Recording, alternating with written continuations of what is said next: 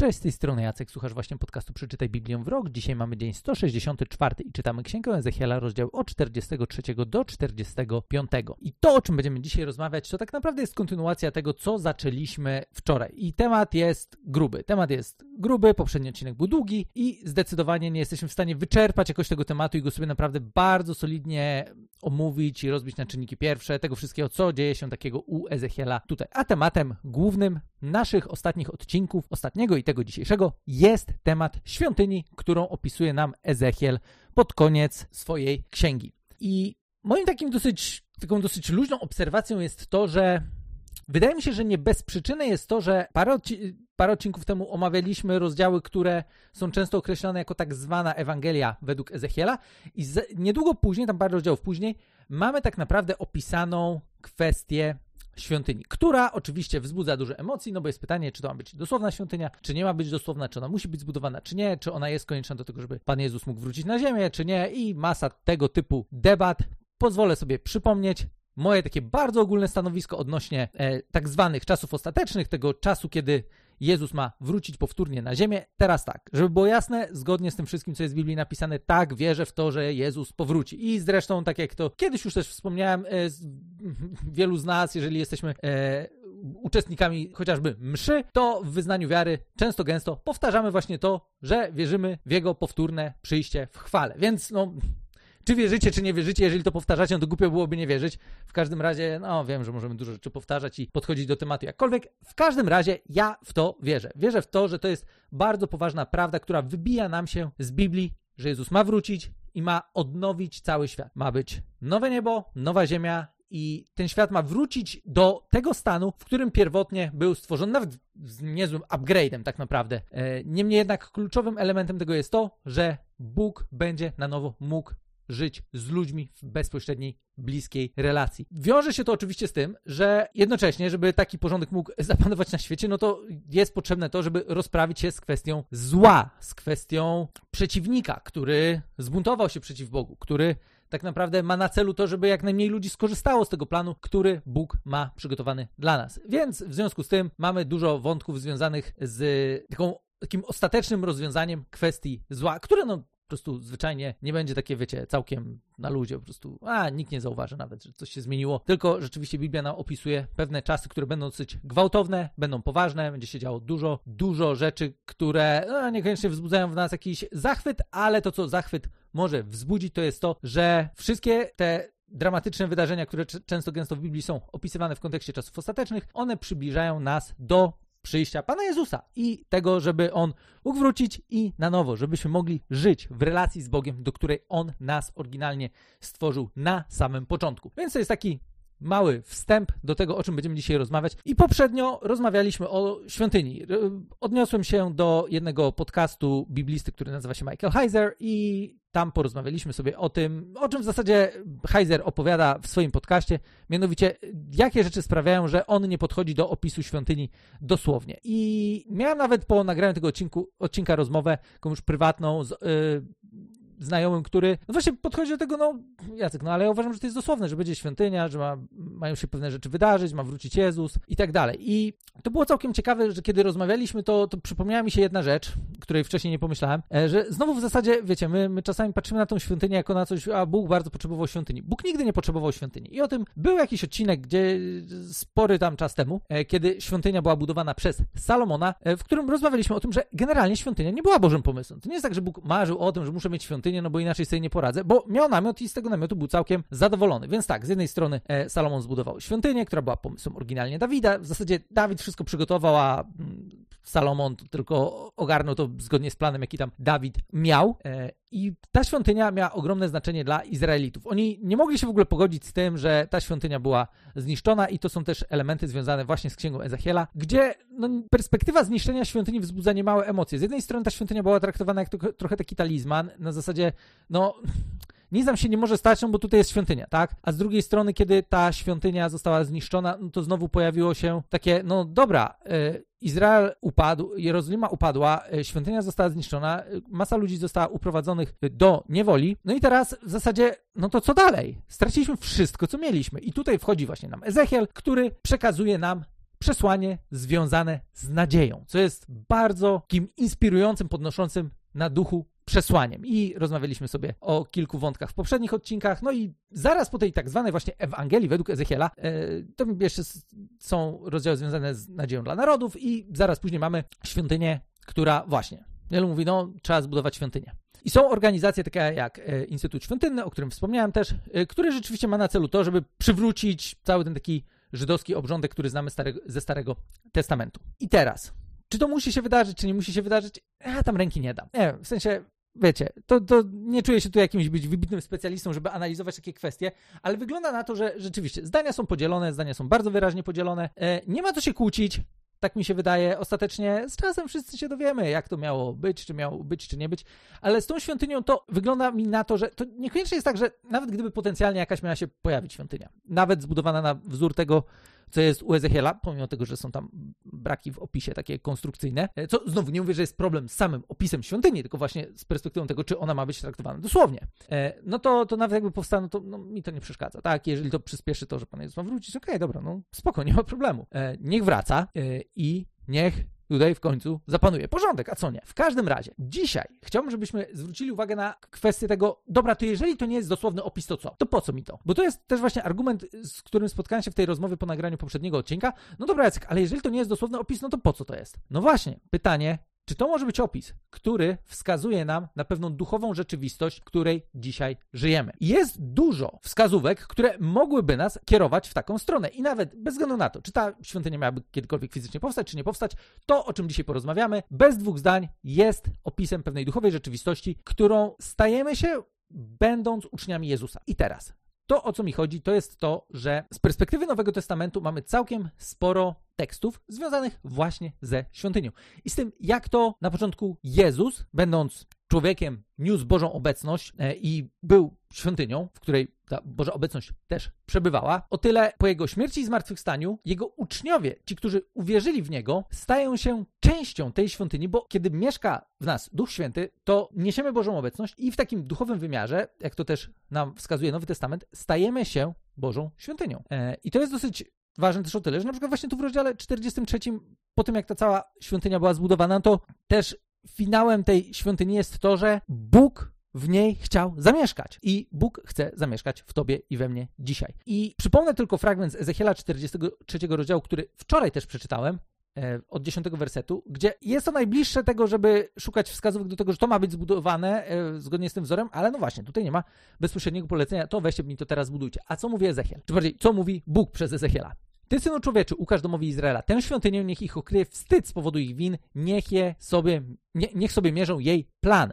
A gdy się zaczną rumienić z powodu swoich postępków, to przedstaw im plan świątyni, opowiedz im, jak jest urządzona, pokaż wyjścia i wejścia, tak, cały jej plan. Zapoznaj ich z jej ustawami, porządkami, ze wszystkimi jej przepisami, wyrysuj ją w ich obecności, by uchwycili się tego planu i wszystkich ustaw świątyni i zapragnęli ich strzec. I teraz, my już w poprzednich e, odcinkach, jeszcze bodajże z Księgi Kapłańskiej, rozmawialiśmy właśnie o kwestii e, tego, czym są ofiary z perspektywy Nowego Testamentu, czym jest nasza rola jako e, kapłanów e, z perspektywy właśnie Nowego Testamentu. I teraz chciałbym, żebyśmy zaczęli dzisiaj od właśnie nowotestamentowego fragmentu z Ewangeliana z drugiego rozdziału. Kontekst jest taki, że Jezus wpada do świątyni, widzi sprzedawców, bardzo mu się to nie podoba, więc kręci bicz i wszystkich wypiernicza. I jest to dosyć brutalne, w jaki sposób oni wylatują z tej świątyni, e, gdzie Jezus też argumentuje to, co zrobił, mówiąc: Zabierzcie to stąd, przestańcie robić targowisko z domu mego ojca. Jego uczniowie przypomnieli sobie wówczas słowa pisma: Żarliwość o twój dom mnie pochłania. I to jest Ewangelia drugi rozdział. I teraz od 18 wersetu czytamy takie słowa. Wtedy Żydzi zwrócili się do niego, jakim znakiem uzasadnisz ten swój czyn? Jezus odpowiedział, zbóżcie tę świątynię, a ja wzniosę ją w trzy dni. Żydzi na to 46 lat budowałem tę świątynię, a ty wzniesiesz ją w trzy dni. Jednak mówiąc o świątyni, Jezus miał na myśli swoje ciało. Gdy więc został wzbudzony z martwych, jego uczniowie przypomnieli sobie, że to mówił i uwierzyli Pismu oraz Słowu, które wypowiedział. To jest bardzo ważny fragment, który nam właśnie pokazuje to, że Jezus w swoim ciele widział świątynię i że w nim właśnie Boża obecność się znajduje, dokładnie tak jak znajdowała się świątyni. Więc to jest pierwsza ważna rzecz związana ze świątynią w Nowym Testamencie. Jezus widział świątynię jako swoje ciało.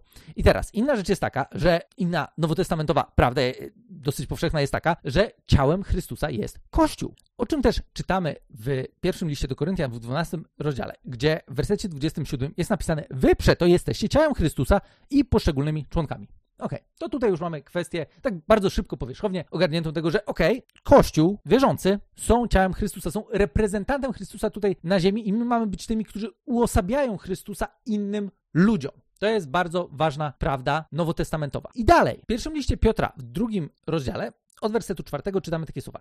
Gdy zbliżycie się do niego, żywego kamienia, przez ludzi wprawdzie odrzuconego, lecz przez Boga uznanego za wybrany i kosztowny, wówczas wy sami jako żywe kamienie jesteście budowani niczym duchowy dom, by być świętym kapłaństwem, składać duchowe ofiary miłe Bogu ze względu na Jezusa Chrystusa. Dlatego Pismo głosi, oto kładę na Syjonie kamień węgielny, wybrany i kosztowny. Kto w niego wierzy, nie będzie zawstydzony. Dla was zatem wierzących jest on cenny, natomiast dla niewierzących kamień ten, jako odrzucony przez budujących, pozostaje kamieniem węgielnym, przyczyną upadku i skałą skandalu. Potykają się o nią ci, którzy nie wierzą słowu, na co zresztą zostali przeznaczeni. I teraz, ważna rzecz tutaj jest taka, oto kładę na Syjonie kamień węgielny, wybrany i kosztowny, kto w niego wierzy, nie będzie zawstydzony. I tutaj Piotr tak naprawdę nam interpretuje to, co wcześniej było napisane u Izajasza w rozdziale 28, gdzie mieliśmy napisane następujące słowa. Dlatego tak mówi wszechmocny Pan, oto ja kładę na Syjonie kamień wypróbowany, kosztowny kamień węgielny, mocnego fundamentu. Kto dochowa wiary, ten się nie zachwieje. I uczynię prawomiarą, a sprawiedliwość poziomicą i zmiecie grad, schronienie kłamstwa, a kryjówkę fałszu zaleją wody. W sumie tak w tych wersetach 16 i 17 przeczytałem też 17, bo jednak tej miary poziomic u Ezechiela też trochę mieliśmy, co? E, ale nie badałem tematu miary poziomic jakoś tam szczególnie, nie wiem, jednak u Ezechiela też przy tym opisie świątyni właśnie one się pojawiają. To, co jest ważne, to jest tutaj to, że to, co było napisane u Izajasza w 28 rozdziale, w 16 wersecie, Piotr bezpośrednio odnosi do osoby Jezusa. Dlatego mówi, kto w Niego wierzy, nie będzie zawstydzony. Gdzie ten On, to jest sam Jezus, który jest pokazany jako kamień węgielny. I dalej, kolejna bardzo ważna rzecz jest napisana w liście do Efezjan w drugim rozdziale, gdzie przeczytam od 18 wersetu. Przez niego jedni i drudzy w jednym duchu mamy przystęp do Ojca. A więc nie jesteście już obcymi i przychodniami, ale jesteście współobywatelami świętych i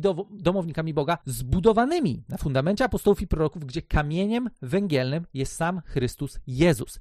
W nim zespala na cała budowla rośnie na świętą w Panu świątynię. W nim i wy także wznosicie się we wspólnym budowaniu, by stanowić mieszkanie Boga przez ducha. Ja nie wiem, czy potrzebujemy dużo więcej dzisiaj rozmawiać na temat tego, jak, jaki obraz świątyni rysuje nam Nowy Testament, bo przeczytam to jeszcze raz. Zbudowani na fundamencie apostołów i proroków, gdzie kamieniem węgielnym jest sam Chrystus Jezus. To, o czym czytaliśmy przed chwilą u Piotra, co Piotr zresztą mm, cytował z Izajasza. W nim zespalana cała budowla rośnie w świętą w Panu świątynię. W nim i wy także wznosicie się we wspólnym budowaniu, by stanowić mieszkanie Boga przez ducha. Mamy tutaj bardzo wyraźne fragmenty. No, tych, kilka fragmentów wystarczy. Moglibyśmy sobie poszukać dalej, ale wydaje mi się, że tych kilka fragmentów wystarczy nam na to, żeby załapać, co jest świątynią z perspektywy Nowego Testamentu. I teraz, w związku z tymi wszystkimi kwestiami związanymi z opisem świątyni u samego Ezechiela, śmiem przypuszczać, że całkiem mi osobiście trzyma kupy się to, że e, Ezechiel właśnie opisywał pewną duchową rzeczywistość, której my dzisiaj jesteśmy częścią. I mówię, z mojej strony ważne jest to, że mieliśmy Ewangelię według Ezechiela i później mieliśmy jakby duchowo i trochę tak to widzę, jakby wiecie, ręki za to nie dam. Ja nie jestem wybitnym biblistą, znaczy żadnym biblistą nie jestem, jestem hobbystą, który lubi czytać Biblię i który lubi ją zgłębiać i szczególnie przy okazji tego podcastu to zgłębianie jest jeszcze bardziej aktywne i intensywne niż kiedykolwiek wcześniej. Niemniej jednak pewna zależność, której tutaj widzę, to jest to, że Ezechiel rzeczywiście opisuje nam e, swoją taką, wiecie, wersję Ewangelii, powiedzmy w, te, w ten sposób, jakby pewną nowotestamentową rzeczywistość, która ma stać się rzeczywistością później, z wyraźnym też wskazaniem na Mesjasza. I później rysuje nam obraz świątyni, która z perspektywy budowania nie, zostawia nam trochę braków i mogą być problemy z tym, żeby wziąć ten opis i powiedzieć, dobra, to wiem, co ma być zbudowane, bo zwyczajnie w tym opisie są braki, ale nie sprawia to jednocześnie, że ta świątynia może właśnie być zapowiedzią Kościoła, zapowiedzią tego, co w takim duchowym wymiarze ma się wydarzyć przez Kościół, który to ma być nośnikiem Bożej obecności, gdzie ciało Chrystusa, to o czym przeczytaliśmy w pierwszym do Koryntian 12 rozdziale w 27 wersecie. My, będąc ciałem Chrystusa, jesteśmy takimi nośnikami Bożej obecności. Jesteśmy Bożą świątynią, gdzie Bóg może mieszkać. On chce i może mieszkać w Tobie i we mnie, po to, żebyśmy byli nośnikami Jego obecności, żebyśmy Jego obecność mogli nieść do ludzi, którzy potrzebują nadziei. I żeby ci ludzie, korzystając z tej, uchwycili się tej nadziei i korzystając z wiary opartej na Słowie Bożym, mogli również stać się częścią tego projektu, który Bóg tworzy w taki duchowy, wyjątkowy sposób. To jest coś, do czego każdy uczeń Jezusa jest powołany. Do tego, żeby być częścią tego właśnie projektu budowy świątyni takiej duchowej, o której czytamy zresztą w Nowym Testamencie. I mi osobiście to się jak najbardziej trzyma kupy. Jednocześnie absolutnie nie wykluczam tego, że są grupy żydowskie, które dzisiaj patrzą jeszcze na Ezechiela i mówią, dobra, musimy to zbudować. I okej, okay, dobra, nie ma sprawy. No, w sensie, jeżeli to ma być zbudowane, niech będzie zbudowane. Jakby mi to nie robi większej różnicy. Ważne jest to, żebym ja wiedział, jakie jest moje miejsce w tej świątyni, którą Bóg tworzy. Żebym ja jako członek ciała Chrystusa wiedział, jakie jest moje miejsce w Kościele, w tym planie, który Bóg realizuje właśnie przez Kościół, po to, żeby ludzie mogli poznać Boga, żeby mogli również spotkać się z Jego obecnością, żeby mogli doświadczyć tej obecności i żeby Jego obecność również ich przemieniła, tak jak przemieniła mnie i przemieniła masę innych ludzi, którzy swoją wiarę złożyli w Jezusie, tak jak to też czytaliśmy u Piotra dzisiaj. Mam nadzieję, że tym odcinkiem trochę udało nam się wyjaśnić kwestię tej końcówki Ezechiela, która znowu no, nie jest koniecznie jakoś wybitnie lekką lekturą, ale okazuje się, że kiedy pozbieramy sobie różne miejsca z Biblii, to nagle okaże się, że rysuje nam się bardzo klarowny i ciekawy obraz tego, o czym mógł mówić nam Ezechiel. I ważna w tym wszystkim prawda jest taka, że Biblię powinniśmy tłumaczyć Biblią. Nie tym, że albo wydaje mi się, bo tak, wiesz, bo mam takie wrażenie. Znaczy, jeżeli komuś się wydaje, że to trzeba zbudować i to zbuduje, to jakby okej, okay, mnie tym nie urazi w żaden sposób i nie będę czuł się smutny z tego powodu, że y, w tym odcinku przedstawiłem tę taką wersję, w ramach której ta świątynia mogła być faktycznie pewnym duchowym obrazem. Niemniej jednak to, co jest niezaprzeczalną prawdą biblijną, nowotestamentową, jest to, że uczniowie Jezusa, jako Kościół, będąc częścią Kościoła, tworzą świątynię, w której Bóg może zamieszkać. W Tobie i we mnie. Po to, żebyśmy nieśli Jego obecność do tego świata, który jest ciemny, w którym jest tak ma mas jest masa ludzi, którzy żyją bez nadziei, żebyśmy mogli wnieść nadzieję do ich życia, a oni dzięki wierze opartej na Słowie Bożym, że mogli doświadczyć tego życia, które Bóg dla nich ma przygotowane. Mam nadzieję, że ten odcinek trochę nam rozjaśnił, trochę pomógł nam lepiej załapać, o co takiego tutaj chodzi i jednocześnie sprawił, że właśnie nawet takie trudne fragmenty, jak chociażby końcówka Ezechiela, staną się dla nas bardziej wyraźne, nabiorą jeszcze więcej znaczenia i w pewien sposób znajdziemy też odniesienie do naszego życia i do tej duchowej rzeczywistości, której dzisiaj jesteśmy częścią. Gdybyście mieli dodatkowe pytania, wejdźcie na stronę bibliawrok.pl, tam możemy sobie porozmawiać, podyskutować. Możecie do mnie napisać bezpośrednio, e, prywatnie, możecie się również odezwać publicznie, co, e, do czego jak najbardziej zachęcam, żebyście sobie podyskutowali i słyszymy się w ostatnim odcinku na temat księgi Ezechiela. Do usłyszenia.